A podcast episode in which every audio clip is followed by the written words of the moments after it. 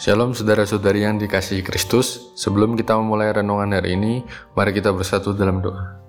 Tuhan, selamat pagi. Terima kasih atas berkat penyertaan-Mu sepanjang hari. Kau masih memberikan kami nafas dan memberikan kami pagi yang indah ini. Dan sebentar kami akan mendengarkan sabda kebenaran firman-Mu. Kiranya Engkau memberikan kami hati dan pikiran agar kami dapat menerima apa yang Kau firmankan ya Tuhan. Dalam nama Tuhan Yesus, kami menyerahkan seluruh doa dan permohonan kami ini. Haleluya. Amin. Nats renungan kita hari ini terambil dari Ulangan 10 ayat 12 sampai 22 yang berjudul Takutlah akan Tuhan. Hitler ingin membuktikan loyalitas rakyat Jerman kepadanya. Suatu malam ia menyamar sebagai orang biasa dan masuk ke gedung bioskop. Sebelum film diputar, terdengar suara pengumuman Para penonton yang terhormat, film ini melukiskan kegiatan terakhir pemimpin besar kita, Adolf Hitler. Penonton pun serentak berdiri dan menghormat ke arah layar. Hitler begitu terharu sampai ia lupa berdiri.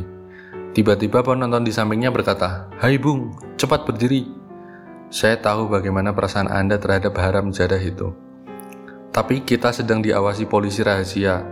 Anekdot itu menggambarkan penghormatan yang tidak tulus, Penghormatan yang terpaksa dilakukan karena takut akan hukuman. Seperti itu jugakah takut akan Tuhan yang dimaksudkan dalam kitab suci? Tentu saja Allah bukan diktator yang kejam. Dia meminta bangsa Israel untuk hidup akan Tuhan bukan dengan mengancam dan menakut-takuti, tetapi Tuhan meminta bangsa Israel takut akan Dia. Tujuannya adalah untuk kebaikan mereka sendiri, agar mereka menikmati berkat-berkatnya, Musa menjelaskan dan mengingatkan bangsa Israel tentang apa yang Tuhan sudah lakukan. Allah adalah Tuhan yang Maha Kuasa, pencipta alam semesta. Ia adalah Tuhan yang telah memilih dan mengikat perjanjian dengan nenek moyang Israel.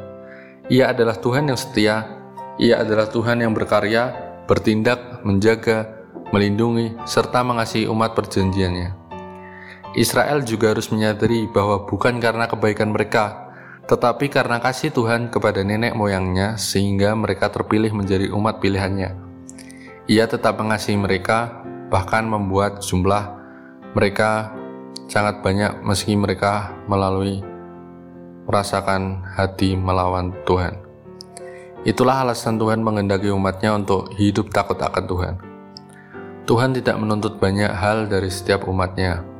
Kita hanya diminta untuk takut dan taat kepadanya jika melihat kebaikan-kebaikan Tuhan, hal itu sama sekali tidak memberatkan, justru membuat kita merasa damai dalam menjalani kehidupan ini. Ingatan akan kasih setia Tuhan membuat kita terus berjuang untuk memuliakan Tuhan di sepanjang kehidupan kita. Konsep kita akan Allah menentukan motivasi kita dalam menaati Dia. Sekian renungan hari ini, Tuhan Yesus memberkati.